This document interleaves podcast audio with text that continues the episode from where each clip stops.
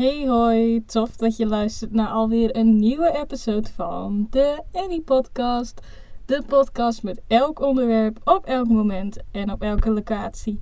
Ten eerste wil ik jullie allemaal alvast fijne feestdagen wensen en een gelukkig en gezond nieuwjaar.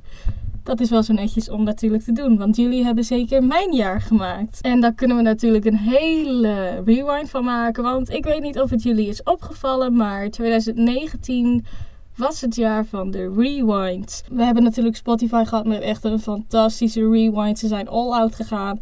In plaats van een simpel lijstje heb je echt een hele PowerPoint-presentatie gekregen van welke artiesten je het meest hebt geluisterd, wat voor genres, welke podcasten. Ik moet zeggen, petje af Spotify. Ga zo door. Ik vond het er fantastisch uitzien. Daarnaast heb je natuurlijk, als je Apple Podcast hebt of Apple Music, heb je ook een rewind gehad. Maar ik heb gehoord van velen dat dat een beetje tegenviel. Dat je gewoon een lijstje kreeg. En succes ermee. En dan heb je natuurlijk, als je wat ouder bent, dan ken je het moment van rewind. Wat rewind is en wie er eigenlijk een beetje mee is begonnen. Nou, wie er een beetje mee zijn begonnen zijn overduidelijk Google en YouTube. En het zijn wel twee hele verschillende rewinds. En we gaan het over beide hebben, deze episode. Want ja, YouTube, what are you doing? Via de Any Podcast heb ik aan jullie gevraagd: wat vonden jullie van YouTube Rewind? En dan had je de mogelijkheid om te kiezen voor Clash of Trash. En no surprise, iedereen koos voor trash. En ik neem het jullie ook niet kwalijk, van YouTube Rewind 2019 was niet je van het. Wel gaven jullie toe dat het beter was dan 2018. En wie niet weet wat er in 2018 is gebeurd in de YouTube Rewind, gaat ook zeker niet kijken. Het is de meest gedislikte video in de historie van YouTube eigenlijk. En dat is best erg, dat je eigen bedrijfsvideo, om het maar zo te noemen, zo slecht is ontvangen. Maar als we kijken naar de inhoud, de content van YouTube Rewind 2018. Ik neem het niet kwalijk dat het zo slecht is beoordeeld, want het was ook gewoon slecht. Ze zijn te veel gaan focussen op kindvriendelijke content en alles is leuk, alles is prima, alles is tof. En oh, YouTube is zo'n geweldig platform, alle creators houden van elkaar. Maar in 2018 zijn er dingen gebeurd natuurlijk. En in 2019 zeker ook. Maar om YouTube wel een beetje te verdedigen, ze hebben geleerd van hun fouten. Ze hebben toegegeven in YouTube Rewind 2019 dus, hebben ze gezegd van jullie hebben aangegeven dat 2018 niet goed was en daardoor hebben wij gekeken naar iets wat jullie wel leuk vonden. En nu hebben zij als insteek voor Rewind 2019 naar de meest gelikte video's gekeken en de meest gelikte content creators. En het is een leuk idee, maar het is geen rewind, jongens. Sorry. Dit zijn ook al punten. Ik haal er heel veel punten bij wat al benoemd is door content creators die actief zijn op YouTube, zoals PewDiePie. Jax Films heeft bijvoorbeeld eentje gemaakt over waarom YouTube Rewind nou eigenlijk zo slecht is en wat veel beter kon. Dus die punten heb ik hier ook allemaal, ga ik ook allemaal behandelen. Wat krijg je met zo'n top 10 lijstje eigenlijk? Je krijgt het gevoel dat je Watch Mojo kijkt. En iedereen kent Watch Mojo, laten we eerlijk zijn. Het is een van de bekendste top 10 YouTube channels, zeg maar. Ze maken heel veel video's over de top 10 most liked artists bijvoorbeeld. Alleen het verschil met Watch Mojo is, dat is hun specialiteit. Dat is wat zij doen. En YouTube is iets heel anders dan dat. En ik heb expres YouTube Rewind erbij gepakt, want ik ben content creator. Dit zijn ontwikkelingen die ik bij moet houden. Maar YouTube is ook een platform dat door zoveel mensen wordt gebruikt. En daarom wil ik het toch wel even behandelen, want iedereen kent deze frustratie, denk ik wel. Een van de punten die is genoemd door alle content creators is dat in YouTube 2019, de rewind is, alle drama een beetje is vermeden.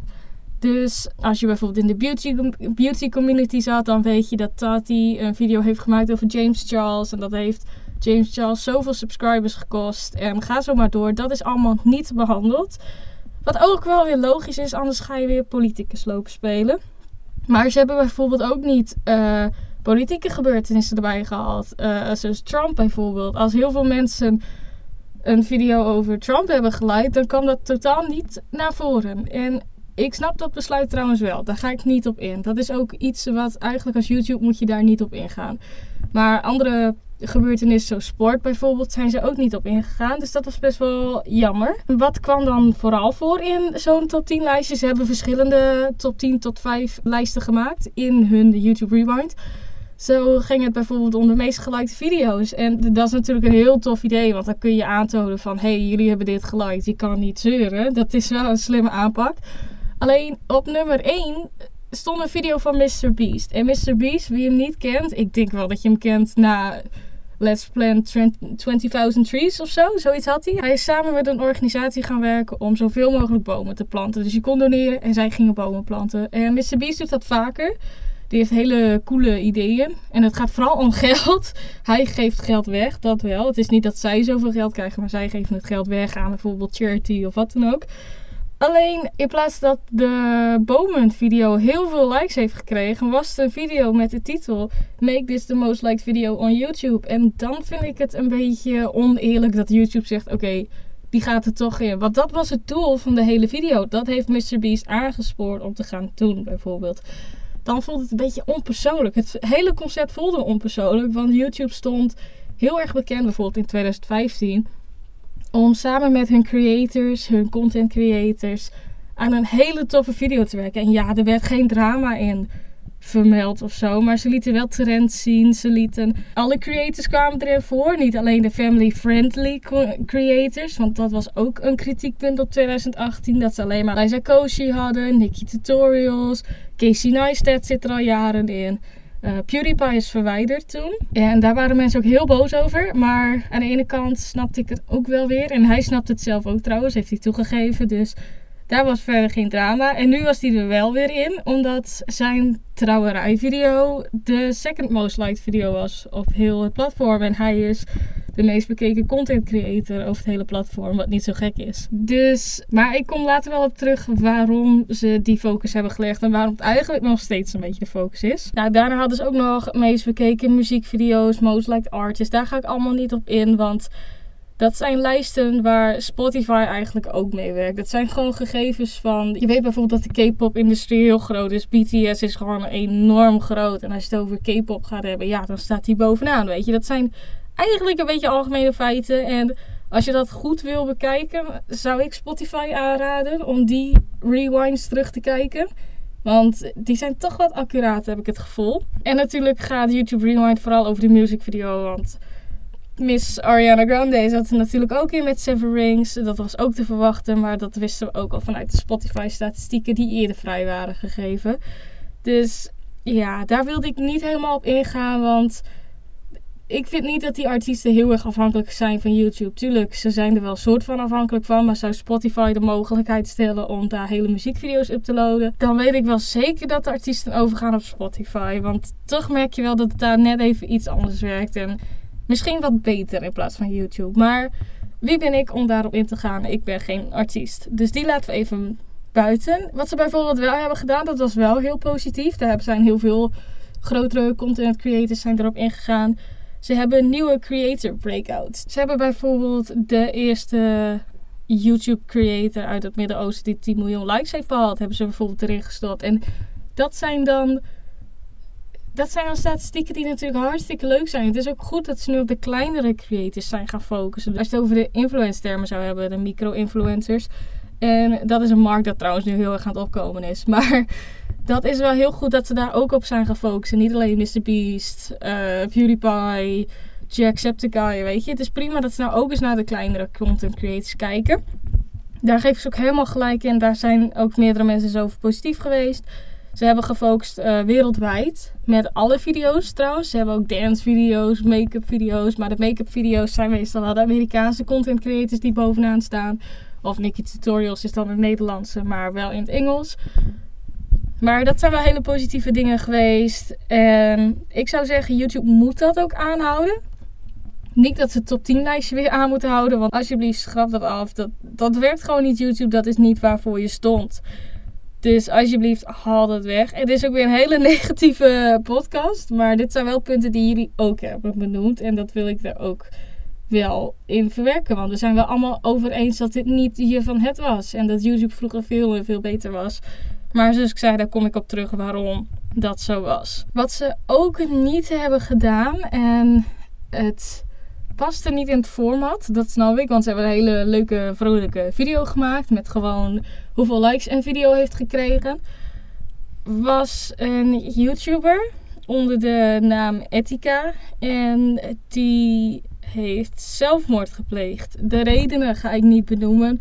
Dat is ook privé. Dat vind ik niet dat ik dat mag benoemen. Maar hij was wel onderdeel van de YouTube community. En ik vind als bedrijf zijnde, want hij had best wel veel subscribers. Hij was gewoon groot. Hij zat wel tegen Mr. Beast, uh, Jacksepticeye uh, grote aan, zeg maar. Dat je die niet een plekje heeft gegeven. Het is begrijpelijk, dat zeggen ook heel veel mensen. Maar het is wel jammer dat je die kans niet hebt genomen. Want Watch Mojo bijvoorbeeld, als we het nou toch over de top 10 lijstjes gaan hebben. Die heeft het wel gedaan. Die heeft ruimte in een video gemaakt om Etika te bedanken voor zijn video's, voor de content die hij heeft gemaakt. En ik vind als YouTube zijnde had je dat moeten doen. Ook al deed helemaal aan het eind van de video, dat doen ook heel veel movie studios bij een aftiteling of zo, als er een castmember overleden is of de regisseur of wat dan ook, dan nemen ze toch even de tijd om bedankt te zeggen voor al je moeite, al je tijd, al je energie die je erin hebt gestoken. En dat is heel jammer dat YouTube niet dat heeft gedaan. Want het toont dan wel aan dat je als bedrijf betrokken bent bij de gebeurtenissen van je content creators. Maar er zou vast wel een hele goede reden voor zijn waarom ze het misschien niet hebben gedaan. Misschien heeft zijn familie daar ook wel geen toestemming voor gegeven. Dat kan natuurlijk ook. En nu gaan we dus toch weer over Watch Mojo. Want ik heb het net al gezegd. Ehm, zoals ik zei, zij zijn heel erg gespecialiseerd op hun top 10 lijstjes. En zij hebben van 2019 gewoon hun favoriete momenten gedaan. En dat geeft veel meer een terugblik op 2019 dan wat YouTube Rewind heeft gedaan. Ze hebben KSI tegen Logan Paul gedaan. Keanu Reeves, die een cringe moment had. Nou, zoals we zeiden over Etika hebben ze erin gestopt. Dat geeft veel meer en het is ook persoonlijker een terugblik van het jaar 2019. En ik ben toch wel een beetje bij het punt aangekomen waarom YouTube Rewind zo erg is veranderd ten opzichte van 2015. Ten eerste, de officiële oprichters hebben het verkocht aan Google. Uh, dan verandert er eigenlijk redelijk veel. Want Google is heel anders dan gewoon twee jongens die zin hadden om een website te maken waar je filmpjes kan uploaden. Dus de focus ligt ook ergens anders op. En waar YouTube heel erg is op gaan focussen, dat kun je zelf trouwens testen, dat is misschien wel leuk om te doen, is dat zij heel erg focussen op bedrijven. En het is niet verkeerd om naast je content creators te richten op inkomsten. Totaal niet verkeerd. Maar YouTube heeft het zo verpest door bijvoorbeeld in 2019 alleen kindvriendelijke content creators erin te gooien. En in 2019 eigenlijk ook nog wel. Om aan te tonen voor bedrijven, wij zijn een adverteerbaar platform. Het is ook zo, dat is echt zo, als je uitlogt van YouTube en je komt dan op de Explore page, dus je bent niet ingelogd. De eerste video's die je te zien krijgt, zijn allemaal family-friendly video's. Het is geen nieuws, het is geen politiek, dat totaal niet. Misschien een music video, dat is nog wel vaak zo, maar dat zijn het de schone music video's. Het is geen rap, het is geen gevloek, het is geen gedoe, het is family-friendly content. En het zijn vooral kinderen die voorkomen. En YouTube is zich veel te veel daarop gaan focussen. En daar maken heel veel content creators natuurlijk ook heel veel van. En die zijn het er ook niet mee eens. Die hebben ook gezegd: dan maar minder rendement, dan maar minder inkomsten. Maar het is geen platform waar we eigenlijk nog meer op willen zitten. En ik durf te wedden, als er een YouTube 2.0 komt, zonder de focus op de bedrijven, dat de meeste content creators daar wel over gaan ik kan het YouTube ook niet kwalijk nemen dat ze daarop gaan focussen. Maar misschien moeten ze de focus wat minder erop leggen. Het is prima om op de achtergrond daarop te gaan focussen. En wel regels, guidelines te stellen. Dat, uh, want kinderen kunnen natuurlijk overal opkomen, dat snap ik. Dat is trouwens ook nieuw. Dat je, als je een video uploadt, moet je aangeven of de content geschikt is voor kinderen of niet nu maak ik gewoon update vlogs. Dus dan is het niet erg dat een kind dat ziet. Maar ik snap ook wel dat er video's tussen zitten die je totaal niet aan je kind wil laten zien. Dat zijn regels die zijn begrijpelijk. Daar kan ik ze ook echt niet voor kwalijk nemen. Maar hun copyright system is ook zo slecht. Ga daar eerst aan focussen. Ga daar eerst aan werken. Voordat je op voordat je je platform gaat verkopen als een family-friendly platform. Er zijn al genoeg content creators eigenlijk gestopt. Dankzij dit. Maar zoals ik dus al zei, YouTube is verkocht aan Google. En in het begin zei ik dus ook al dat Google en YouTube de eerste waren die een soort van rewind deden. Ik moet zeggen, de Google Rewind zijn altijd fantastisch om te zien. En het is hetzelfde bedrijf, maar zij focussen op hele andere dingen. Dan is Google ook niet een bedrijf in die zin. Het is een zoekmachine. Natuurlijk, bedrijven maken er gebruik van en bedrijven gaan er echt wel in investeren. Maar Google moet onafhankelijk blijven. Dat lijkt me vrij logisch. Ze mogen geen voorkeur hebben voor presidenten, voor politieke standpunten. Dat is vrij logisch.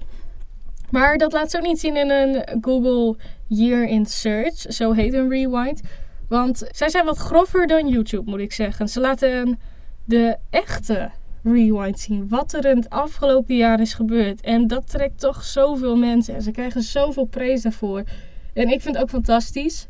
Want zij gaan heel erg in op de emotie van mensen. En elk jaar weer lukt het hun om dat te doen. En het commentaar wat ook wel eens is geweest op YouTube dan, is waarom ga je niet dezelfde editors, content creators, die voor YouTube die video's maken, niet met YouTube Rewind laten werken? Want waarom lukt het bij het ene bedrijf wel en het andere bedrijf niet? Nou, de focus van Google Year in Search was niet om family-friendly content te maken. Nee, de focus was heroes. Want zij zeggen, het afgelopen jaar was de zoektocht naar helden zo enorm groot. En hier zijn de helden die jullie zochten. En dan krijg je allerlei verschillende video's. Je krijgt natuurlijk Avengers, want Avengers Endgame was uitgekomen. En wat zij heel goed doen, dit is echt, dat vind ik echt een editing quality gewoon. Zij gaan bijvoorbeeld van Avengers naar de echte heroes. Dus de fictional heroes naar de echte heroes. En dan zie je bijvoorbeeld een Iron Man in het ziekenhuis die een doodziek kindje omhelst of zo. En dan leg je de link van, oké, fictieve heroes kunnen ook echte helden zijn voor mensen. Dat vind ik trouwens echt heel goed gedaan. En daarna gingen ze over op mensen die anderen redden. En dan krijg je allemaal nieuwsvideo's te zien. Ze gebruiken ook heel goed audio. Zij weten precies wanneer ze welke audio moeten laten zien. Eh, laten horen, excuses. En dat is zo goed gedaan. Ze gaan ook heel erg in op de bijzondere momenten van het afgelopen jaar. Zoals het zwarte gat ontdekken. Daar zijn echt heel veel memes van gekomen. Maar het is zo speciaal dat wij als mensen een zwart gat kunnen filmen en vastleggen. Het is misschien nog niet helemaal helder, maar ik bedoel, het is zoveel lichtjaren verderop. Het is gewoon heel fantastisch dat wij die technologie nou hebben om dat te kunnen ontdekken. En dat is ook altijd de focus van Google geweest. Search on, blijf ontdekken, blijf ontwikkelen, blijf doorgaan. En dat houden ze elk jaar vast. En nu weer met het Zwarte Gat bijvoorbeeld. Een andere focus die de laatste jaren wat meer omhoog is gekomen is het focussen op vrouwen. En nu op sheroes en she-heroes dus. En dat kan zowel in de sport zijn, dat kan in het nieuws zijn, het kan zelfs popsterren zijn die bijvoorbeeld een verschil hebben gemaakt voor iets, die een, die een belangrijke speech hebben gegeven. Daar hebben ze heel erg op gefocust. Wat ook hartstikke leuk was om te zien, is dat ze op het familie hebben gefocust. Zo hebben ze op Supermom hebben ze gefocust, Superdad. En dat is zo chill om te zien, want het is iets wat wij eigenlijk allemaal willen, weet je. Dus Google weet heel goed wat wij willen. Dat is vrij logisch als ze al onze gegevens opslaan. Daarnaast hebben ze, dat vond ik echt een tof moment, want het is wel iemand die ik ken. Yuzuru Hanyu, dat is een Olympische kunstschaatser. Die hebben ze er ook bijvoorbeeld in gestopt. Want het ging ook heel erg over sport natuurlijk. Over voetbalwedstrijden, bijzondere momenten daarin. Yuzuru Hanyu heeft potentie om de eerste kunstschaatser te worden die vijf keer goud heeft gewonnen op de International Skating Union, ICU. Dat is dus eigenlijk een soort van Olympische Spelen voor schaatsen, zeg maar. Olympische Spelen heeft natuurlijk ook kunstschaatsen, maar dit is hun special moment, zeg maar. Of het WK turnen, zo kun je ook vergelijken. WK voetbal, daar kun je het allemaal mee vergelijken. Dus dat was wel een chill moment om te zien. Vooral omdat ik fan ben van Yuzuru Hanyu. En daarnaast hebben ze nog vele andere dingen gefocust. Maar het is vooral op dingen die wij hebben opgezocht. Die wij hebben geliked. Die wij misschien hebben gedisliked. Waar wij eigenlijk echt naar op zoek waren. En dat heeft Google heel goed vastgelegd. En daardoor krijg je ook direct een goede reflecties van het jaar te zien. Dus over die heroes bijvoorbeeld. Wij hebben dus blijkbaar heel erg gezocht naar heroes.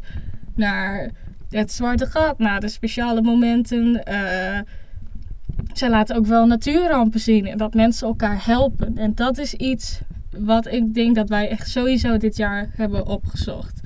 Ze zijn wat minder op de amusement ingegaan. Dat, misschien als ze dat er nog bij doen, heb je een volledig jaar van 2019. Maar daarvoor heb je natuurlijk YouTube Rewind. Die gaat meer in op de amusement en muziek. En dat is denk ik wel een beetje het einde van deze podcast. Ja, ik dacht van misschien kunnen wij nog een rewind doen. Maar ik denk dat wij dat misschien volgend jaar beter kunnen doen als er wat meer bekend is, als er wat meer episodes online staan. En als misschien jullie wat meer zin hebben in een rewind van wat jullie hebben geluisterd, wat jullie het tofst vonden. Dus als we misschien volgend jaar samen een rewind maken, let me know. Hartstikke leuk. Ik zou het echt wel willen doen. Dan wil ik jullie hartelijk bedanken voor het luisteren naar deze episode. En zoals ik al in het begin zei, fijne feestdagen en een gelukkig nieuwjaar. Dan hoop ik dat jullie weer naar een nieuwe episode gaan luisteren in 2020. Dankjewel en tot de volgende keer. Doei!